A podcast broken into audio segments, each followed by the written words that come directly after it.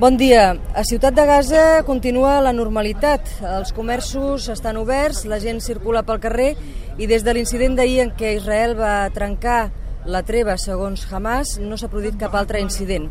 Avui hem visitat l'Hospital Central de la ciutat de Gaza i allà ens han assegurat que reprenen a poc a poc l'activitat normal, tot i que encara no tenen restablert al 100% el subministrament elèctric. Això dificulta, per descomptat, l'atenció als pacients.